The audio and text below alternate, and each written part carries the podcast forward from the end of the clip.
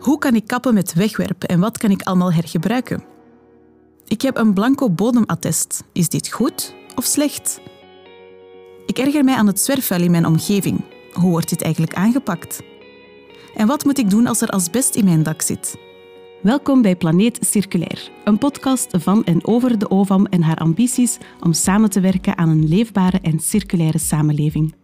In deze podcast bieden we een antwoord op situaties waarmee jij en ik dagelijks geconfronteerd kunnen worden en die betrekking hebben op de taken van de OVAM, de Openbare Vlaamse Afvalstoffenmaatschappij. Voor we aan deze aflevering gaan beginnen, heb ik een paar vragen voor jou. De stoel waar je nu op zit terwijl je naar deze podcast luistert. Heb je er al eens over nagedacht uit welke materialen die bestaat? En van waar die afkomstig kunnen zijn? En wat er met je stoel gebeurt als je uitgezeten bent? Om naar een circulaire economie te kunnen evolueren is het belangrijk dat de producten en diensten in ons dagelijks gebruik duurzaam zijn. En ecodesign, het ontwerpen met een zo laag mogelijke milieu-impact, is een belangrijke hefboom voor verduurzaming en circulariteit. Daarom staat ecodesign centraal in deze aflevering. Bij mij in de studio zit aan de ene kant Brigitte Moulignot, transitiemanager circulaire economie bij Vlaanderen Circulair. Hallo Brigitte. Hallo. En aan de andere kant Chris van de Voorde, een man met duurzame ambities en oprichter van Juno, een bedrijf dat circulaire binnenwanden produceert en daarvoor de Henri van de Velde Ecodesign by Ovam Award heeft gewonnen. Hallo Chris. Hallo. Proficiat met de award. Dank u wel. Hoe ben je op het idee van de circulaire wanden gekomen?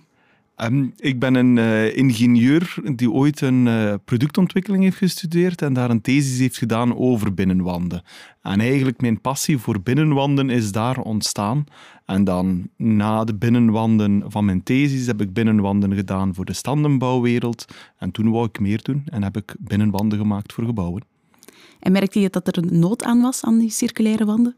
Zeker en vast, omdat wat mij getriggerd heeft om een bedrijf op te starten, is omdat ik had gezien dat we ongeveer 300 miljard euro per jaar aan binnenwanden in de vuilbak gooien. Dus echt een lineaire economie op het einde van zijn leven, verliezen we 300 miljard euro waarde. Dat is 1% van de globale CO2-emissies die gelinkt is aan wegwerpen van binnenwanden.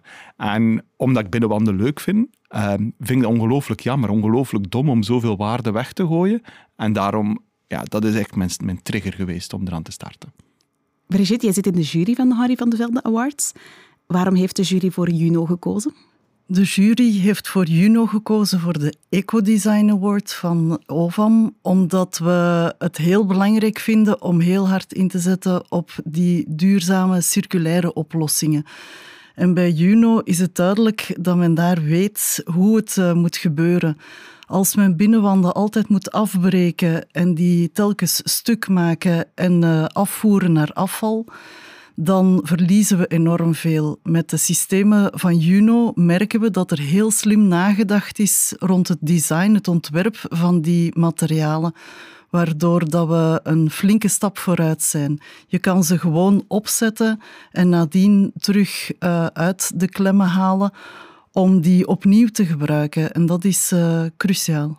We hebben het hier dus over de Henri van de Velde Award. Brigitte, kan je misschien even kort vertellen wat dat die awards precies inhouden? Ja, bij de Henri van de Velde Awards gaan we echt kijken naar design in de brede betekenis van het woord, met heel veel verschillende prijzen. Dat kan gaan over duurzaamheid, maar dat kan gaan over echt high-tech, heel slimme innovaties. Heel belangrijk daarin is dat we de afgelopen jaren toch gemerkt hebben dat die duurzaamheid en circulariteit meer en meer in alle mogelijke prijzen terugkomt. Dus ook als we kijken naar een uh, interessant businessmodel, dan merken we ook dat die circulariteit en de duurzaamheid heel sterk meegenomen wordt. Dus sterk geëvolueerd de afgelopen jaren. Absoluut. Chris, duurzaamheid en design, is dat zoiets als water en vuur of kan dat perfect samengaan?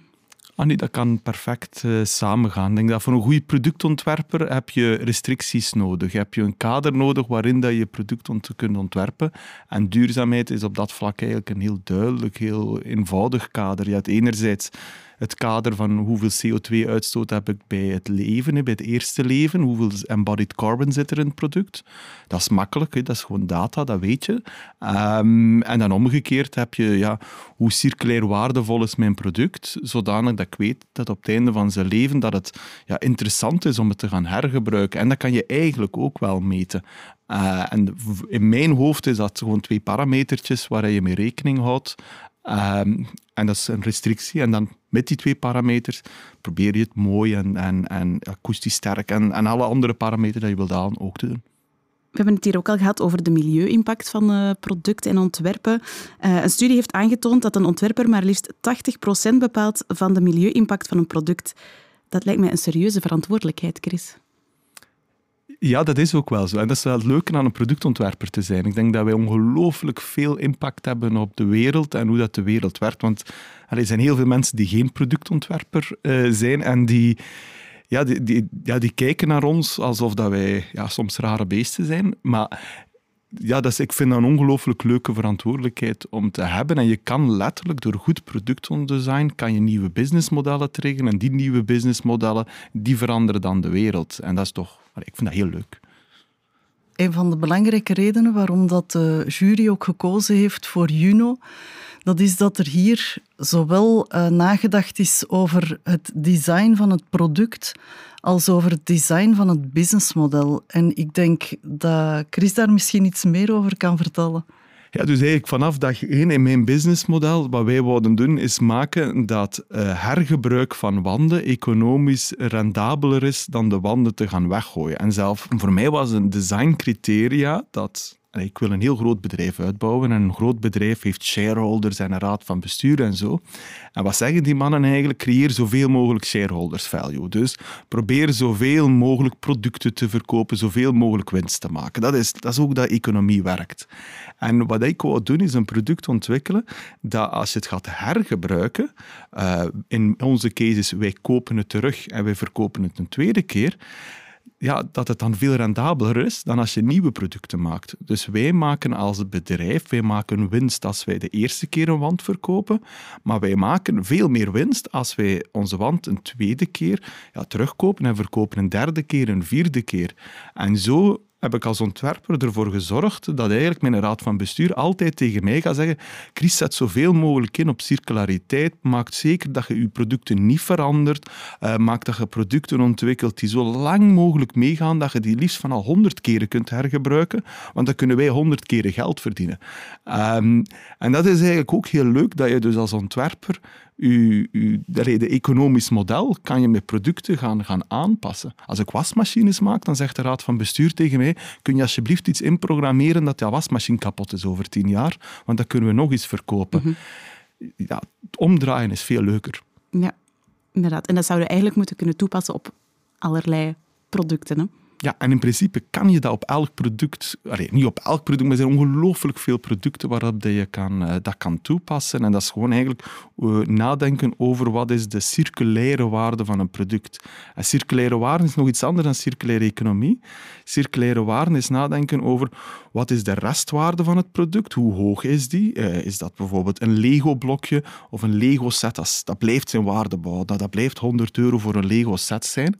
En dan moet je dat vergelijken met de kost van hergebruik. Wat, wat kost dat om die Lego-set te gaan demonteren en te gaan hergebruiken? Eigenlijk niks. De kinderen werken gratis, dus dat kost niks. Dus dat heeft oneindig hoge circulaire waarde, omdat die restwaarde veel hoger is dan de kost van hergebruik. En als je daar continu over nadenkt, over wat is de restwaarde van een product, dat was de kost van hergebruik, dat is eigenlijk een meetbaar element, de circulaire waarde, om te driven naar productontwikkeling. Ja, ik denk dat je daarmee inderdaad veel andere ondernemers kan inspireren om ook toe te werken naar die circulaire waarden en zo. En misschien ook daar is het ook belangrijk, dus omdat ik dat ook wil doen, zijn we nu ook bezig met uh, de oprichting van de Circular Value Institute. Dus dat concept van circulaire waarden willen we gewoon internationaal gaan laten opschalen, om via consultingsbedrijven en via andere ontwerpers eigenlijk hen de tools in handen te geven van hoe ga ik verschillende productideeën en concepten gaan ja, welke is meest circulair waardevolle? Als je dat kan meten, dat concept dat zijn we nu aan het uittesten. We hebben al wat testen gedaan met een stuk of twintig fabrikanten eigenlijk, om dat te voelen in de markt. En dat is iets dat mij heel blij maakt, omdat we door die kennis te delen, gaan we heel veel andere productontwerpers ook in kunnen inspireren om de juiste stappen te zetten. Ja, en meten is weten natuurlijk. Hè? Dus uh, je zegt ja, andere ondernemers inspireren, maar ik denk dat we daar ook al een fase vroeger in kunnen starten, dat we ook al studenten gaan uh, inspireren. Studenten die nog aan hun carrière moeten beginnen. Brigitte, kan je daar wat meer over vertellen? Ja, met uh, OVAM en Vlaanderen Circulair ondersteunen we elk jaar een uh, Eco-Design for Students Award. En daar merken we dat we toch elk jaar boeiende kandidaten binnenkrijgen en de kwaliteit van die projecten die ze indienen wordt elk jaar beter en beter. Uh, er wordt heel sterk gericht op uh, circulaire economie. Zo was er de laatste uh, winnaar die Cyclowash organiseerde. En dat is eigenlijk de circulaire wasmachines die dan echt het water volledig gaan recupereren, terug zuiveren en opnieuw in de machines gebruiken. En dat was Kiran Frank uh, ongelooflijke ontwikkelaar, ongelooflijke designer. En zo zie je er meer en meer. Ik ben heel positief gezind als ik naar onze jongeren kijk, hoe inspiratie hen vooruitdrijft, hoe die duurzaamheid hen vooruitdrijft in hun ontwerpen. Stemt je dat positief, Chris, om te horen dat jongeren daar ook al mee bezig zijn?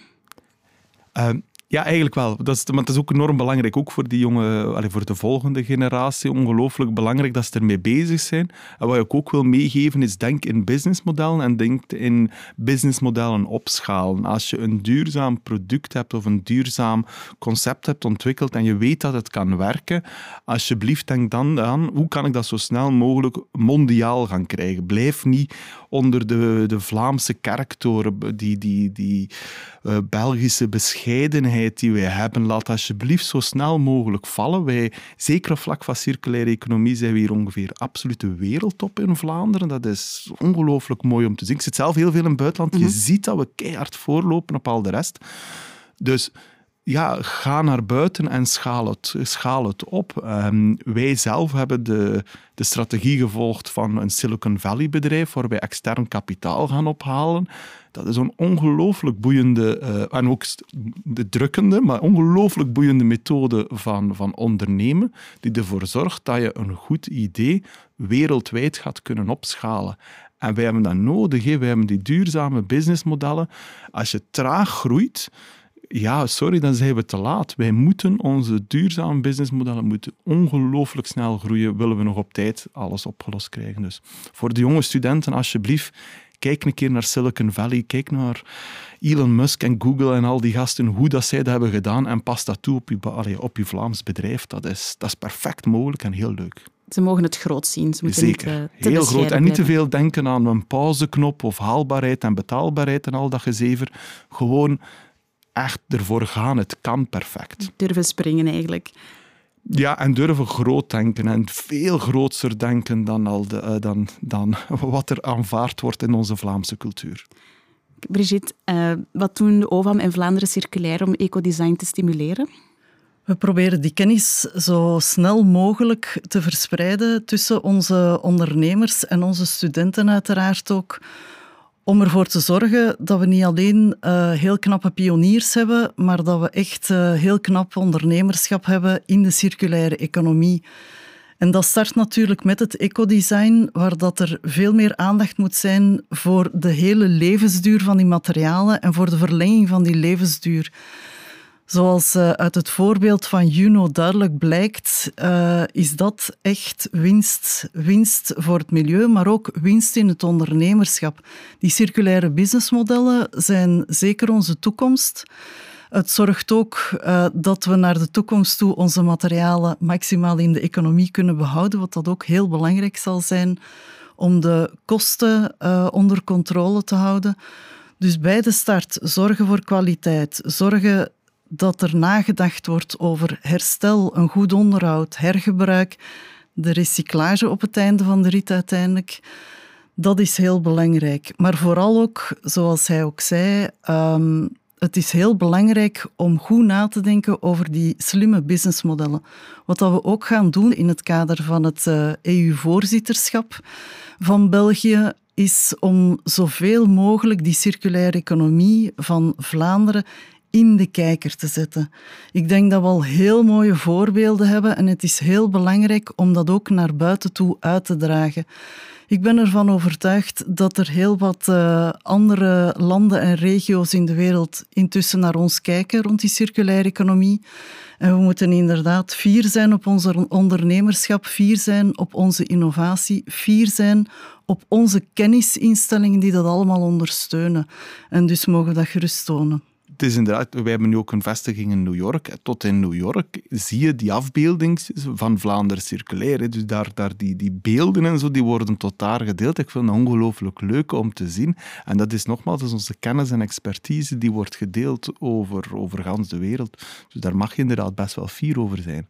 Ja, Brigitte, haalde daarnet uh, Europa aan. En Europa heeft een, een besluit ingediend om uh, duurzame producten binnenkort de norm te maken. Ja, op uh, sommige momenten is het echt wel uh, belangrijk om toch vanuit de overheid, en in dit geval vanuit Europa, een zekere push te geven om toch iets sneller vooruit te gaan dan wat we vandaag aan het doen zijn. Omdat we wel merken dat veel van onze materialen uit uh, andere oorden in de wereld komen. De materialen zijn soms iets minder goed bereikbaar. De logistiek loopt wel eens vast door oorlog en andere omstandigheden. Dus uh, daarover nadenken naar de toekomst toe en daar veel bewuster mee omgaan om ervoor te zorgen dat we onze materialen niet alleen vandaag nog hebben, maar dat ook onze kinderen en kleinkinderen die materialen kunnen hebben aan een betaalbare prijs, uh, zal heel belangrijk zijn. Dus ja, die push vanuit Europa is wel nodig en zeer welkom om die circulaire economie te versnellen. En ook als, als ondernemer is dat ongelooflijk waardevol, omdat een van de elementen, dus wij halen kapitaal op bij investeerders, maar de reden waarom dat we daar zo succesvol in zijn, is dat we ook kunnen zeggen, kijk, zie je, Europa gaat ons product, gaat die eigenlijk, of ons businessmodel, dat wordt de norm, dat wordt de wet. Dus al die producten die nu wegwerpeconomie zijn, dat gaat eruit gaan. En dus nu heb je een enorme vlucht van kapitaal, van investeerders, die daar willen in investeren. En als jonge ondernemer, ongelooflijk belangrijk, neem dat geld. Hè. Je kunt daar ongelooflijk toffe dingen mee doen en gebruik die druk die er van aankomt van de Europese Unie. En anderzijds denk ik ook gewoon puur over de, de, de waarde die, die als je een product ontwikkelt dat over een tien jaar bij wet verplicht gaat worden, zijn al uw concurrenten verboden gaan worden. Dat is toch ongelooflijk? Ja, dan heb je een stapje voor op uh, de concurrenten natuurlijk. Ja. Hè? Ja, misschien aanvullend. Er is ook uh, heel wat duurzaamheidsrapportering die nu opgelegd wordt aan de grotere bedrijven. Het wordt ook belangrijk om naar de toekomst toe leningen en investeringen vast te krijgen van fondsen en banken, om inderdaad die uh, duurzaamheidskaart te trekken. Men kijkt dan wel vandaag naar de grote bedrijven, maar weet dat die grote bedrijven vandaag ook aan al hun toeleveranciers vragen om aan te tonen dat ze inderdaad duurzaam en circulair bezig zijn. Dus nu de omslag maken zorgt ervoor dat je een voorsprong krijgt tegenover andere concurrenten. Ja, dus die Europese wetgeving, dat kan echt wel een belangrijk duwtje in de rug geven om dat opschalen waarover je het hebt, hè Chris? Ja, dat geeft u... Ja, je weet wat eraan zit te komen, dus dat geeft u investeerders van ja, als dat dan toch wet wordt, dan kunnen we dan maar beter daar ons geld in steken en stoppen in die oude, in die oude economie. En ook belangrijk daarbij is, nogmaals, wij voor binnenwanden is 300 miljard euro per jaar dat we verliezen in de economie. Dat is, 300, dat is heel veel geld. Um, een andere berekening dat ik eens gezien heb, is dat de volledige economie van Japan ongeveer per jaar in de bouwsector weggegooid wordt. Dus alles wat mensen in Japan doen, allemaal die, al die auto's, al dat ding, al het geld dat ze verdienen, smeten we gewoon per jaar weg met de uh, lineaire economie. Het is toch dom om een gans land per jaar weg te gooien. Wat als er gebeurt als je dat niet doet? Uh, de, de waarde die wordt gecreëerd voor de maatschappij gaat gigantische voorsprong gaan creëren. Dus ik ben heel blij dat Europa dat begint te pushen. En er is ongelooflijk veel uh, ja, ondernemerschap en mogelijkheden om ervan te, ja, nu een, een, graantje van mee te pakken. Ja, uh, we hebben het al aangehaald. In Vlaanderen geven we al het, uh, het goede voorbeeld. Kunnen wij dan Europa gaan inspireren als we voorzitter zijn de komende zes maanden? Dat is zeker de bedoeling. We gaan nog uh, andere landen en regio's uitnodigen waar er ook al hier en daar heel interessante cases ontstaan. En we moeten vooral zorgen dat Europa klaar is. Dus uh, heel veel cases en voorbeelden tonen. Dat is het opzet. Uh, we gaan dat doen in het kader van het World Circular Economy Forum rond de circulaire economie. En we gaan dat ook uh, doen op onze eigen conferentie Circulaire Economie op 17 april. Oké. Ik onthoud dat Vlaanderen best fier mag zijn op wat we allemaal realiseren op vlak van circulaire economie. Dat we daar niet bescheiden in mogen zijn. Integendeel, we moeten dat uitdragen en overdragen, zodat ook de rest van de wereld die transitie kan waarmaken. Bedankt Brigitte en Chris om ons rond te leiden in de wereld van ecodesign. Graag gedaan. Graag gedaan. Kom je graag meer te weten over ecodesign en andere OVAM-thema's? Abonneer je dan op onze podcast in je favoriete podcast-app en hou zeker onze webpagina in de gaten: ovam.vlaanderen.be-nieuws. Daar vind je meer info en uiteraard ook de vorige podcastafleveringen. Tot de volgende keer.